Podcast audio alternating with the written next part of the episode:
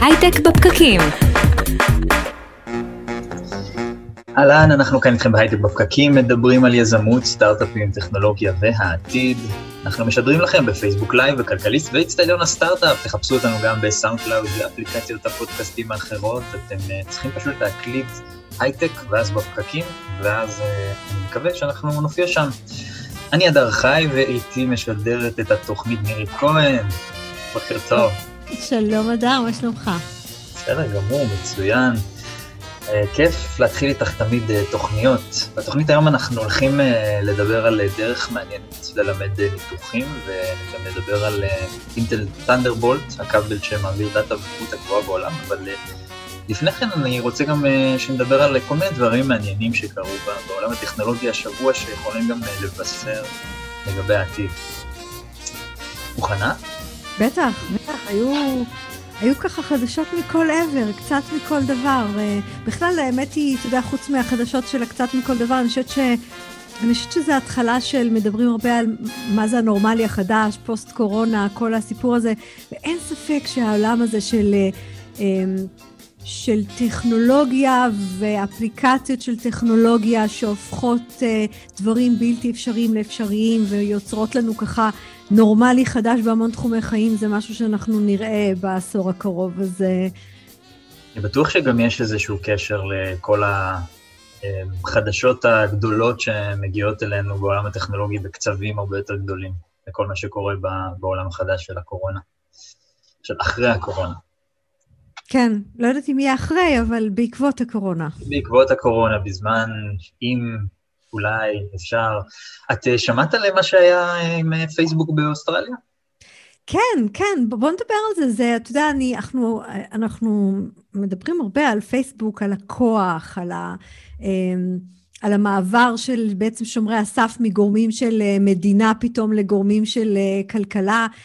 Uh, וזה מעניין, אתה חושב שצוקרברג הלך רחוק מדי? אולי, אולי נדבר רגע שנייה אחת על מה אנחנו מדברים, אדר? כן, אז כן, אז מי שלא מכיר את הרקע, אז uh, אוסטרליה החלה חוק שמחייב פלטפורמות חברתיות לשלם עבור לינקים לתוכן חדשותי, בעצם לשלם לאתרי החדשות על התוכן שהם מכניסים לתוך הרשתות. ובתגובה, פייסבוק עשתה איזה מהלך די כוחני, חסמה את ה... לינקים החדשותיים באוסטרליה והסירה, ממש הסירה ערוצי חדשות אה, במדינה מפייסבוק. אה, לא די כוחני, אפילו מאוד כוחני, הייתי אומר, וזה יצר אה, זעם גדול באוסטרליה, וזה בעיקר הראה שלפייסבוק אולי יש יותר מדי כוח, מאז היא כאילו חזרה בה והתחילה איזשהו דיון סביב זה, אבל אני חושב שיש פה משהו שיכול להיות תקדימי וסיפור גדול יותר. מה דעתך? אני חושבת שבכלל המאבק בין הגורמים, באמת הרשתות האלה, שהן לא יושבות תחת, דיברנו על זה כמה פעמים, כן, שהן לא יושבות תחת אה, חוקים של אה, חדשות, אפילו לעניין הווריפיקציה ומקורות ו news ופייק ניוז והחובה אה, או האחריות שיש לך על מה שהמדיה שלך משדרת.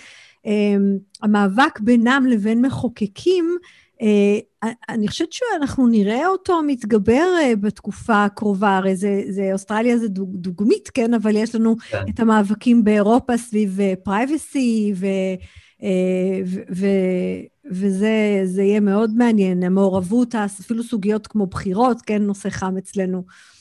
זה מרגיש כאילו כל מה שפייסבוק, אה, כל מה שמרק צוקרברג עושה עכשיו זה רק אה, להתעסק בלכבות שריפות סביב העולם, זימונים לקונגרסים וכל מיני דברים כאלה. אה, ואני חושב שזאת הסכנה הגדולה ביותר, זאת אומרת, הסכנה של פייסבוק כעסק היא בעיניי כבר לא תחרות כמו פשוט רגולציה. שהמדינות מתחילות להתעורר ולהבין שיש פה גוף עם יותר מדי כוח, ובהקשר הזה אני חושב שההחלטה של פייסבוק אה, בעייתית משהו, כי היא מציגה באופן מאוד אה, אקספליסטית, מה שנקרא, שיש לה יותר מדי כוח. ברגע אחד היא מכבה את השלטר, כן. כן, אתה יודע, אבל מצד שני, זה, זה תמיד um, מעניין, הדיון הזה, כי כשהיא, כש, כשפייסבוק מכבה את השלטר לאוסטרליה, או לצורך העניין מנתקים את טראמפ, כן, אה, מכל הערוצים שלו, וזה לא חשוב מה אנחנו חושבים uh, על, על האדם הספציפי, אה, זה, אז אנחנו, אז יש לנו ככה את הסימני שאלה, ומהצד השני אנחנו הרי אומרים שאם פייסבוק הייתה רוצה, אה, לאפשר אה, מעקב אחר אלימות ברשת, או ניקיון של פייק ניוז, או, או למנוע מראש קטסטרופות שמתבשלות בתוך הפלטפורמות שלה, היא הייתה יודעת לעשות את זה, כי כשזה סיבות של מפרסמים, אז היא יודעת למנוע, למשל, אה, פורנו, כן, לעומת, לעומת טרור, טרור או, או hate, hate crimes וספיץ' למיניהם. אמ, אז, אז זה קצת, גם אנחנו קצת מחזיקים את החבל הזה משתי קצוות. ומצד אחד אנחנו מתלוננים כשהיא מפעילה את הכוח שלה, ומצד שני אנחנו שואלים אותה למה, למה היא לא, לא מפעילה את הכוח שלה. כן, אני, כן, פייסבוק בהקשר הזה, אני, אני מסתכל מהצד של פייסבוק, וגם פה יכול להיות איזשהו תקדים מאוד בעייתי מבחינתה, שברגע שהיא מתחילה לייצר עסקאות כאלה עם גופי חדשות, זה הולך להתפשט בכל העולם, ו... ולך תדע לאן זה יסתיים, כי גם בעצם כשאתה מעלה תוכן חדשותי ומייצר ערך לפלטפורמה, אז, אז אוקיי, אז אתה זכאי לתגמול, אז מה אם אני פשוט בן אדם שמייצ... שהוא thought leader כזה, שמעלה דברים וגם מייצר ערך לפלטפורמה? ולמה אני לא זכאי לתגמול? למה נכון. אני לא זכאי לתגמול? זאת אומרת, כל הערך של פייסבוק נוצר מהמשתמשים שלה, המשתמשים שלה בעצם זה אלה שמייצרים את, ה, את הערך בפלטפורמה.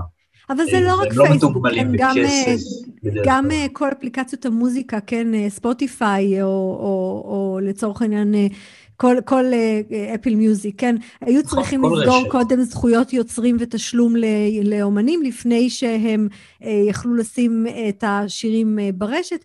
אז uh, השאלה של איפה זה עובר בקו מזכויות יוצרים למשהו שהוא אתה בלוגר ולכן אין לך זכויות יוצרים, זאת שאלה מעניינת, כן? כן. Uh, um... לגמרי. וברגע שיש לך מקור אחד של כוח, ובעצם זה הטבע של העולם להתרכז סביב מקום אחד, כי פשוט יש אפקט רשת כל כך חזק, אז, אה, אז, אז נוצר, נוצר, נוצרים הרבה סימני שאלה. אה, נוצרת איזושהי בעיה סביב הנושא הזה. בעצם כן. אה, אני כבר, כשמוציאים אותי, אני, אני לא יכול, יש את הטיעון הזה שאנשים אומרים, אז אתה לא רוצה, אל תהיה בפייסבוק. זה לא בדיוק נכון, זה טיעון מוזר בעיניי, כי אתה לא יכול לא להיות בפייסבוק, זאת אומרת, או, או בערוצים החברתיים של פייסבוק, כולם נמצאים שם, ואם אתה מנותק משם, אתה קצת מנותק מהעולם, זה לא שיש לך עוד הרבה אלטרנטיבות ותלך לאלטרנטיבה אה, שעושה, שמשלמת על... כן, כן, דיברנו על זה גם בהקשר של וואטסאפ והשינוי שרצו לעשות, ואז אתה אומר, טוב, מה, אז אל תהיה בוואטסאפ, אז נכון, יש עוד אפליקציות, אבל כמה אפליקציות תקשורת אני יכולה לנהל על מסך אחד, זה, זה גם, הופך להיות בעייתי. גם בלי קשר לזה, גם האנשים לא נמצאים שם. זאת אומרת, אתה, בסוף אנשים ירצו שתהיה בוואטסאפ וישלחו לך הודעות דרך וואטסאפ, מה אתה יכול לעשות? אתה לא יכול לברוח מזה כבר. כן, כן, ז, זאת שאלה מאוד מעניינת, אנשים נצטרך להתמודד איתה. אגב, אם כבר מדברים על רשתות, אז מה אתה אומר על האקזיט של MyHeritage? כן, MyHeritage, אקזיט אה, מכובד, כל הכבוד. אקזיט של כ-600 מיליון דולר. אתה אה, משתמש? אתה מכיר את זה? אני לא, אני אשמח לשמוע ממך, אני הבנתי שאת כן מכירה. כן, אנחנו, האמת היא, אנחנו אפילו מנויים אה, מתקדמים, מה שנקרא. זה, זה, אתה יודע, זה מתחיל ב... ב um, עצי משפחה, הרי כל הסיפור פה הוא שמישהו אמר בוא ניקח, בוא ניקח עץ משפחה ונעביר אותו למשהו קצת יותר מתוחכם, אבל אפרופו רשת ומאגרי מידע, אנחנו בנינו, התחלנו לבנות, אה, להתחקות אחר שורשים וגילינו סיפורים אה, דרך מאגרי מידע ש-MyHeritage בעצם העמידה לרשותנו, או חיבורים שהיא עשתה, ואז פתאום אתה מגלה אה, אנשים שלא ידעת על קיומם, היסטוריה שלא ידעת, כמה וכמה דורות אחורה, קברים ש, שלא ידעת, ממש סיפורים מדהימים. אז מרתק. כן, אה, זה בכלל הרעיון הזה של מאגרי מידע והיכולת להתחקות ובדיקות DNA, ועלו לכותרות אה, בקורונה הרבה, כן, אבל, אה, אבל הרבה לפני, אתה יודע, יש כלי מרתק שאפשר לקחת תמונות, תמונות היסטוריות, ולצבוע אותן, תמונות שחור לבן, כן. ולצבוע אותן. כלי מאוד יפה. יפה. MyHeritage גם עלתה על הכותרות בעקבות היוזמה להקים מעבדות קורונה פה בישראל, חברה שהיא כבר קיימת כמה וכמה שנים. כן, לדעתי היא רווחית כבר שנים. עשור, למען האמת. כן, זה כן. בעצם יפה, בעסק שנבנה לאורך שנים, וכל הכבוד על האקזיט. אני, מה שגלעד יפת, המנכ"ל, אמר, זה שקשה להיות סטארט-אפ מבטיח אחרי 17 שנה, ובין האפשרויות שעל הפרק, האופציה של פרנסיסקו הכי התאימה לי, פרנסיסקו זה הקרן הרוכשת, הם הגורם שהכי רוצה להביא את החברה לאקזיט הבא בלי לשנות סדרי עולם. זאת אומרת, יש פה תכנון לעוד אקזיט כן, בהמשך. כן, וזה מתכונת אה, ברורה, זה של קרן, אבל... כן, קרן שמשקיעה. כן. יפה, טוב, אמ, אז אנחנו עוברים לרעיון הבא שלנו, ואנחנו הולכים לדבר על הדרך המעניינת והחדשה ללמד ניתוחים ואנחנו נמצאים עם ניר ישראלי, מנכ"ל חברת סנוקוליס, שמפתחת מכשור לניתוח גלוקומה, והצליחה ללמד את הרופאים מעבר לים לבצע את הניתוח אה, עם מוצרים שלה בעידן הקורונה. אהלן, ניר. אהלן, אהלן, שלום. ניר, אז... ניר, אני אתחיל עם זה שאני חייבת להגיד שיש בי אי נוחות רבה עם הרעיון שמי שינתח אותי למד אה, ככה. אז אולי אה, אני אנסה להסיר את החשש שלך. אה, סנוקוליס אה, פיתחה באמת מכשור מתקדם ומדויק לביצוע ניתוח לטיפול במחלת הגלאוקומה. אולי בכמה מילים, מה זה גלאוקומה, לפני שנצלול לאיך באמת אנחנו עושים את זה מעבר לים. אז בעין יש זרימה של נוזל, ולפעמים מתישהו הזרימה הזאת, העין מתחילה לזייף, ונוצר עודף לחץ בתוך העין. שלאט לאט אה, מותח את דופן העין, ובעקבותיו אה, גם מצב הראייה בעין נמתח ומתחיל להיפגע. צו הראייה מעביר את האינפורמציה הראייתית מהעין למוח, ולאט לאט מאבדים את הראייה, אה, זה לא כואב, מתחילים לאבד את הראייה ההיקפית, עד שמאבדים את כל הראייה. זה, דרך אגב, הסיבה השנייה לעיוורון בעולם, בלתי הפיך. ו...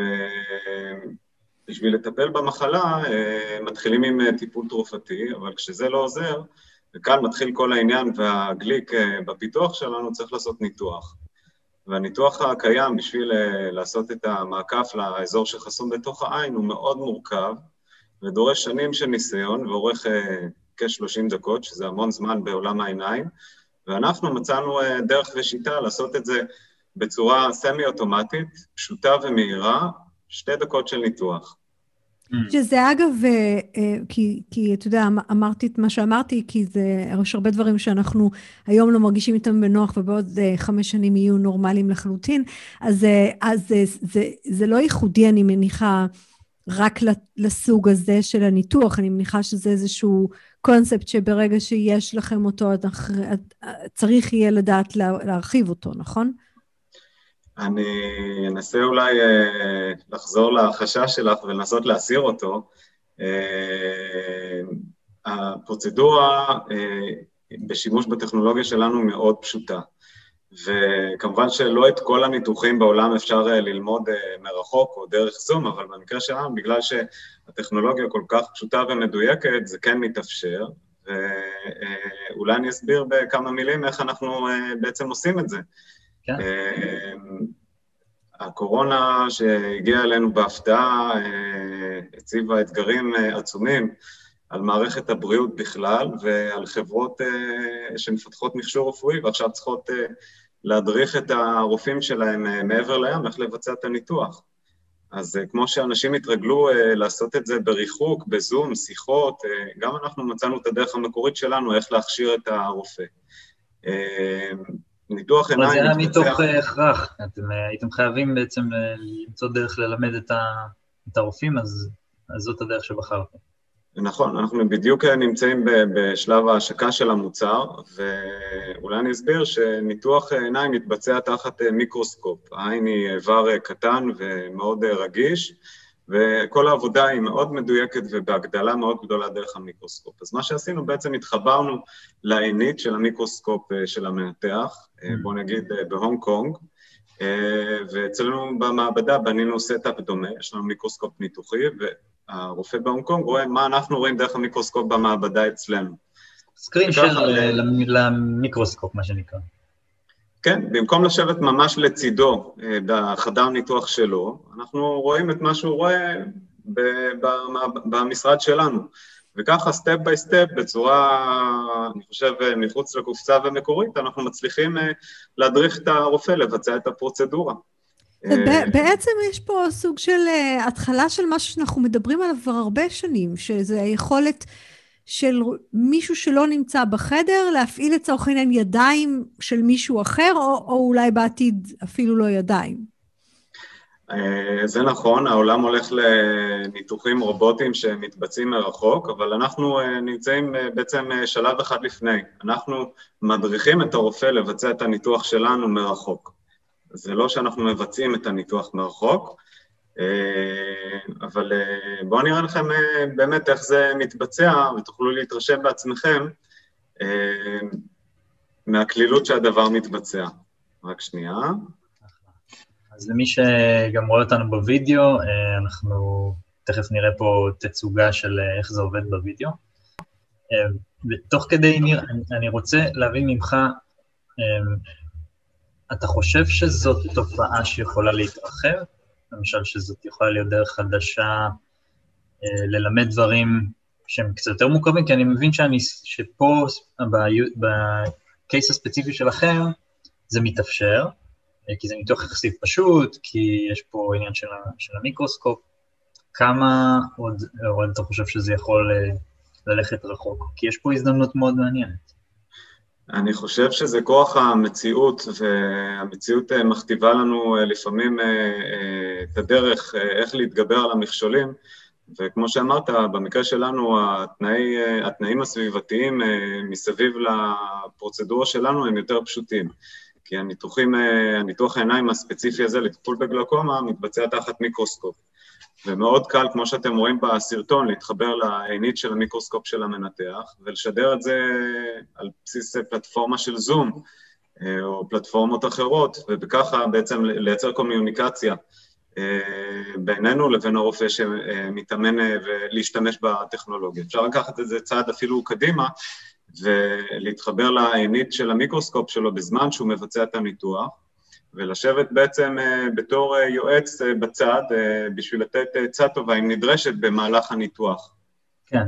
עכשיו, זה, זה קצת, זאת אומרת, מיקרוסקופ, אז אתה יכול גם להגיד, טוב, אז בואו נעשה שיתוף גם לא רק למיקרוסקופ, אלא למצלמה אה, באיכות מאוד מאוד גבוהה, ואז גם שם יהיה אפשר להנחות, אתה יודע, גם לא בהכרח... אה, עם מיקרוסקופ, אתה רואה שגם דבר כזה קורה? אתה חושב שיש, שיש לזה עוד זמן עד שזה יקרה? אולי אתה מכיר דברים כאלה? אין לי ספק שזה יקרה, ואין לי ספק שזה קורה בתחומים נוספים ברפואה. כמו שאנחנו מצאנו את הדרך המקורית שלנו, איך להדריך ולבצע את ניתוח המימס שאותו המצאנו לטיפול בגלקומה, גם חברות נוספות או סיטואציות הקיימות פשוט יובילו לשם. בארץ לאחרונה התחלנו להשיק את המוצר גם, ומבצעים את השיטה החדשנית הזאת כבר בארבעה בתי חולים. בארץ אמנם יש קורונה, אבל אין שום בעיה של נגישות, קל מאוד להגיע לבתי חולים ולהדריך face to face את הרופא המנתח. הבעיה היא, כמו שאמרתם, איך עושים ואיך פותרים את הבעיה, ומגיעים לרופא שיושב בשוויץ. כן. אתה מאמין שזה, שזה ברגע שהקורונה בתקווה תיגמר, אולי לא תיגמר, אבל בתקווה תיגמר, אתם חושבים שאתם הולכים להמשיך עם זה, או שזה לתקופה הזאת ספציפית? אה, אני חושב שכמו שאנשים אה, התרגלו היום לעשות פגישות אה, בזום, למרות שזה לא face to face, היעילות, הזמן שזה חוסך, הכסף שזה חוסך, בצורה דרמטית. אני יכול לספר לכם שהשבוע בוצע הניתוח הראשון מעבר לים בהונג קונג על ידי רופא שהכשרנו אותו, והיום יש לנו סדרה של הכשרות בזום, כמו שזה נשמע מוזר, אבל יש לנו הכשרה של רופא נוסף מהונג קונג, וארבעה רופאים מספרד מאוחר יותר בערב, שמתיישבים על המיקרוסקופים שלהם במעבדות שלהם, ואנחנו מדריכים אותם לבצע את הניתוח. כן, אני חושבת שזה באמת... אנחנו מדברים הרבה על הנורמלי החדש, זה, ראינו בעצם את, ה, את ההתחלה של רפואה ברימוט בתוך האירוע הזה, ויש משהו הגיוני ב... מהצד השני של החשש, כן, שדווקא מאפשר למישהו שהוא אולי המומחה אה, להיות מסוגל אה, לטפל בך, גם אם אין לך גישה פיזית אליו, דרך כלים מהסוג שאתם פיתחתם. אז אה, אין ספק שזה מעניין.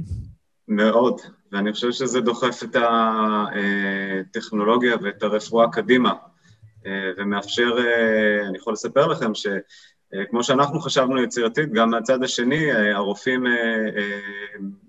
בוא נגיד, אה, יצרו ביקוש, לא היו מוכנים אה, לתת לקורונה לעכב אותם ולהמתין עוד אה, ארבע חודשים, שלושה חודשים, כדי לקבל את ההכשרה ואת הטכנולוגיה ולטפל בחולים שלהם. הם רוצים את זה כאן ועכשיו, וזה הדרך שלנו to deliver it. יפה מאוד. ניר ישראלי, מנכ"ל סנוקוליס, תודה רבה שהיית איתנו היום, והמשך יום טוב. תודה רבה לכם. אז מה את אומרת, נירית? תראה, כמו כל דבר חדש, כן, אה, אנחנו קודם כל אומרים, לא, לא יודעת, לא, לא מרגיש לי בנוח, אה, אבל, אה, אבל אנחנו אומרים את זה על הרבה דברים. אם מישהו היה כן. מספר לך לפני עשור שאתה תסתובב עם משהו בכיס שישדר כל הזמן איפה אתה נמצא, עם מי אתה מדבר, ואולי אפילו מה אתה אומר, היית אומר אין מצב בעולם, והנה, כן. זה מה שאתה עושה, כן, אז... כן, המגפה הזאת כאילו יש משהו בשוק, כאילו דחף לעשות משהו שהיה מאוד מאוד מאוד לא נוח להרבה אנשים, אבל פשוט היה חייבים, היו חייבים לעשות אותו. וברגע שזה קרה, וקרה לאורך תקופה, הרבה פעמים אומרים שכדי להניח חדשנות אתה צריך לתת דחיפה מאוד מאוד גדולה, ברגע שזה כבר קרה, אז אנשים כבר התרגלו לזה. זה, זה האין ברירה, זאת אומרת, מהרגע שאתה כבר לא, אם אתה לא יכול לעשות את מה שהיית רגיל, כן. אז אין לך ברירה. ואז אתה כבר ש... נשאר בה, אז זאת אומרת, זה, זה...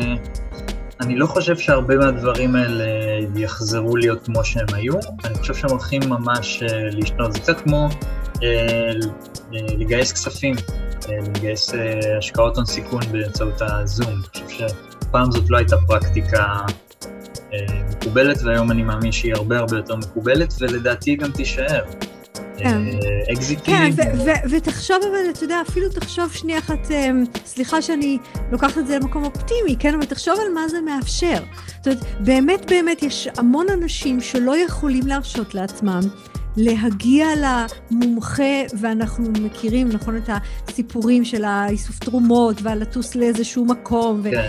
ותדמיין עולם שבו המומחה בעצם יכול, דרך אה, טכנולוגיות מהסוג הזה, לשים אה, להפעיל ידיים של מישהו אחר, או לצורך העניין מכונה או, או טכנולוגיה אחרת שנמצאת ברימוט, אה, ו, ולגרום, אה, ובעצם לתת לנו רפואה שלא היינו יכולים לקבל. שזה אגב ליד מצוין לשיחה הבאה שלנו, כי בשביל זה צריך תקשורת מאוד אמינה.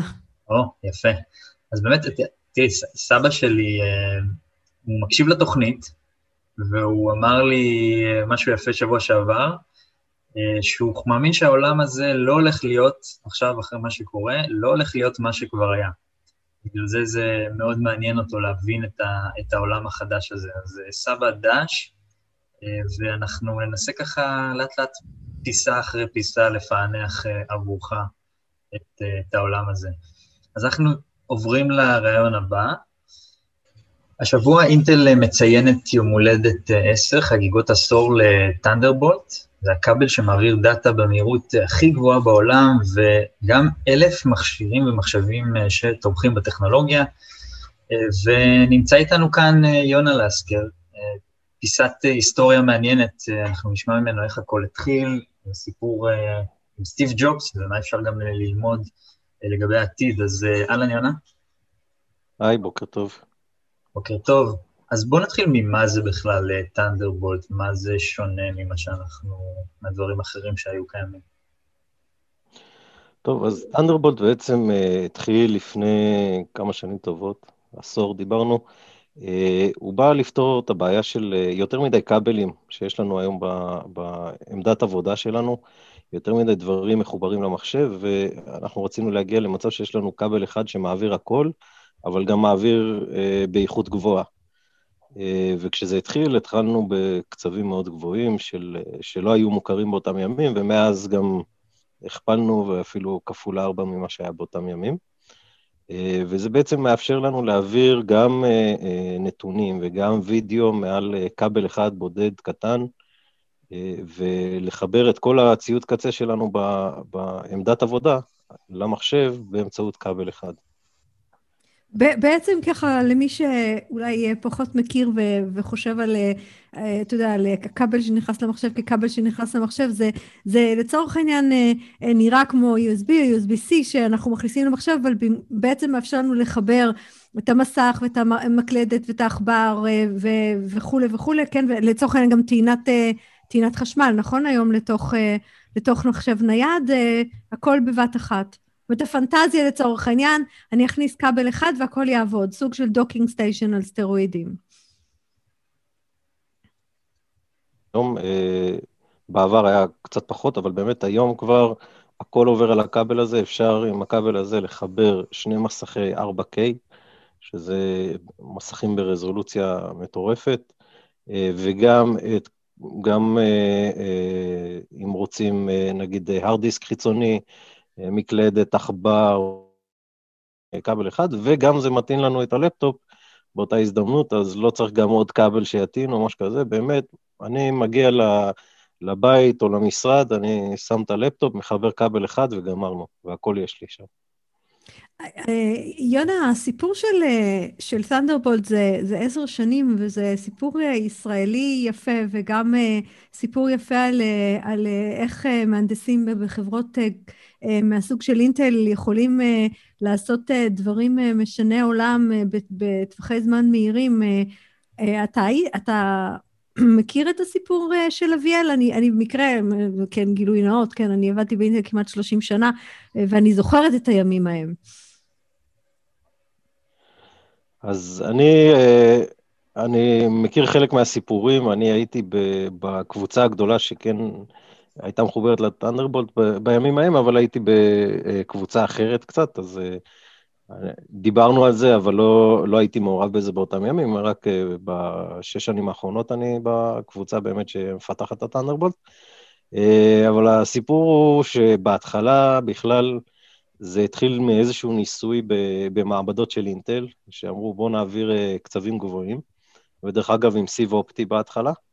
וסטיב ג'ובס בא לבקר במעבדות ולראות את זה, ופולו טליני, שהיה אז המנכ"ל של אינטל, הציג לו את הסיב האופטי הזה שיכול להעביר את כל הנתונים על כבל אחד, והוא uh, מאוד התלהב, והוא אמר לפולו טליני, אם אתה עושה מזה מוצר, אני שם את זה בכל הלפטופים שלי.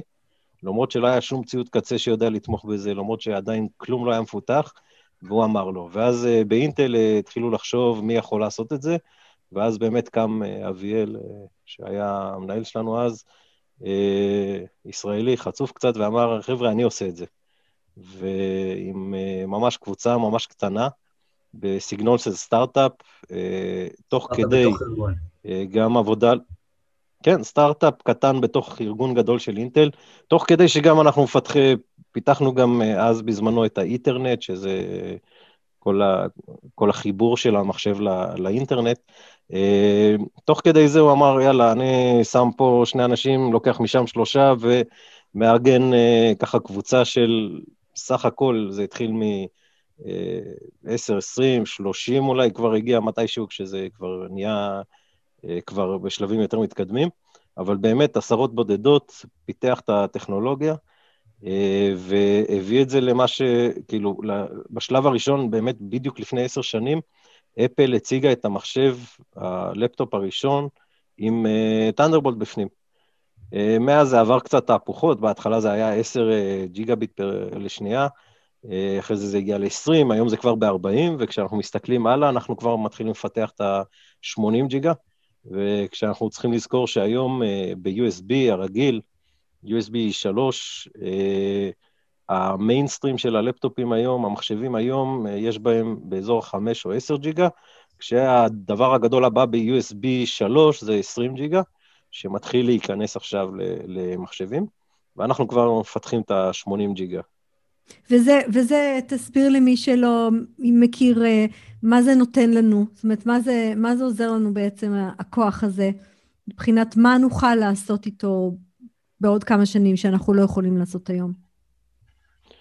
אוקיי, okay, אז קודם כל, uh, המסכים שלנו כל פעם uh, מתקדמים. פעם היה לנו מסך VGA פשוט, או אפילו, אני זוכר את הימים שהיה לנו מסך uh, מונוכרום בצבע uh, ירוק ושחור. ירוק או ירוק מעבב על שחור.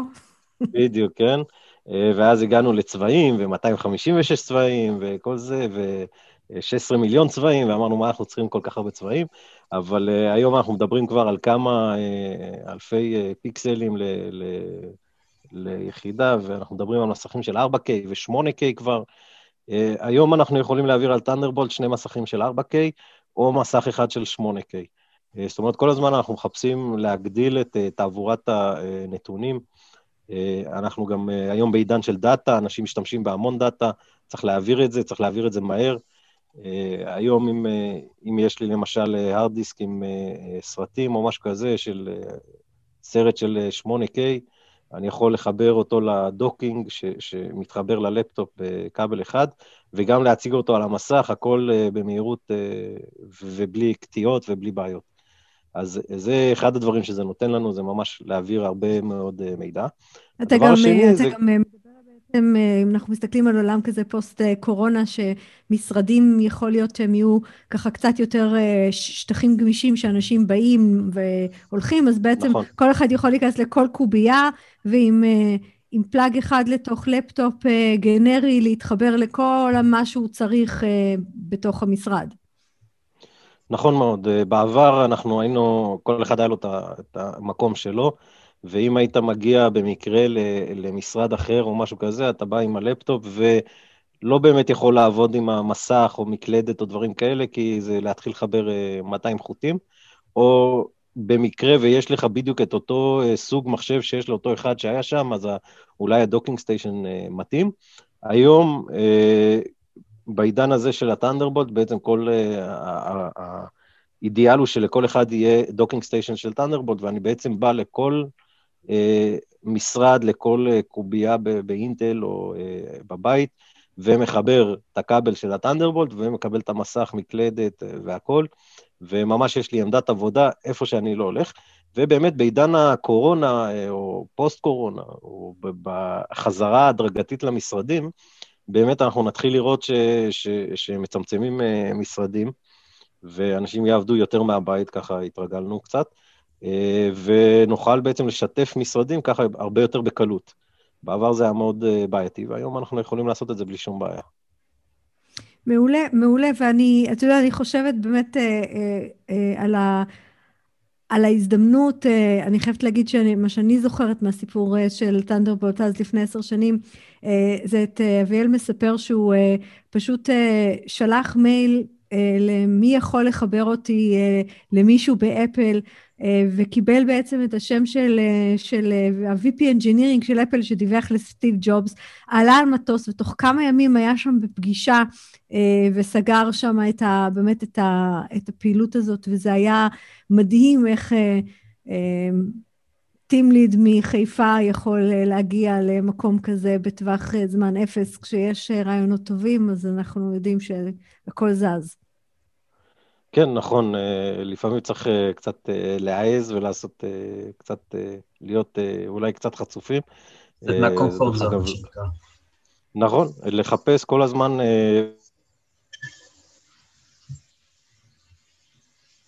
כמה דברים ש, שניסינו לעשות באותם ימים בקבוצה שלנו, ואפילו מזה התחיל גם, באותה קבוצה התחילה גם מחשבים חדשים ש, ש, שגם כן אביאל אז דחף. אה, אבל בסופו של דבר האנשים כאילו בקבוצה באמת לקחו את זה כאתגר, אה, נכנסו בעצם לאמוד סטארט-אפי, עבדו על זה כמה שנים טובות, הגיעו... המוצר הראשון, אפשר לומר, אפילו היה יחסית מהיר, כן? מהרגע שהחליטו, יאללה, אנחנו הולכים על זה, עד שעשינו מה שנקרא tape-out, שזה בעצם לייצר את הצ'יפ הראשון אה, או להביא אותו למעבדה לבדיקות, לקח פחות משנה, שזה ממש מהיר במושגים של אה, חומרה. אה, מאז אנחנו רק מחפשים איך להתקדם, איך לייצר דברים חדשים, ואיך אה, לעשות את זה בצורה יותר טובה. אה, יש פה המון אתגרים, כן? אם אנחנו מסתכלים על כבל פשוט של USB שמעביר 5 ג'יגה, עכשיו אנחנו צריכים לחשוב איך אנחנו מעבירים על זה 80 ג'יגה, זה, זה, זה הרבה יותר מהיר. אה, זה כבר לא עובד עם אותם אה, אה, סוגי אפנונים של, של מידע שעבד, שעבדנו איתם בעבר, אז אנחנו הלכנו על טכנולוגיה בכלל שהיא לא קיימת היום בתעשייה, ואנחנו דוחפים אותה לתעשייה, והיא תעבור להיות הסטנדרט של ה-80 ג'יגה. יונה, אתה, אותי אתה קנית עם הקופסה של הכבל האחד, שאני יכולה בכל מקום להתחבר לכל הציוד. אנחנו רק מחכים שתביאו לנו את זה. אז אנחנו, שוב, היום כבר יש לנו את זה, הדור הבא זה יהיה עוד יותר טוב, יותר חזק, אה, זה פשוט כאילו הרבה, פשוט להגיע לקצבים יותר גבוהים וכל הזמן לאפשר לחבר יותר ויותר דברים למחשב, ובלי שום בעיות, אנחנו צריכים לפתור את כל הבעיות טכניות של אה, אה, אסור שיהיו שגיאות בקו, אז יש לנו המון אה, תיקוני שגיאות ודברים מאוד מתקדמים שם ומאתגרים. סומכים עליכם, סומכים עליכם. יונה לסקר, טנדרבולט של אינטל, תודה רבה שהיית איתנו כאן, ואחלה היום. תודה רבה, תודה לכם, יום טוב. ואנחנו מתקרבים לסיום, תודה נירית שהיית איתנו כאן בתוכנית. תודה, אדר, היה מרתק כמו תמיד. לגמרי. תודה גם לאורי טולדנו וטל חי בהפקה, תודה לכלכליסט ולרדיו תל אביב על שיתוף הפעולה, ואם יש לכם רעיונות לתוכניות או שבא לכם להתחבר אלינו, אתם מוזמנים לקבוצה שלנו הייטק בפקקים. בפייסבוק אנחנו הייטק בפקקים, להתראות בשידור הבא.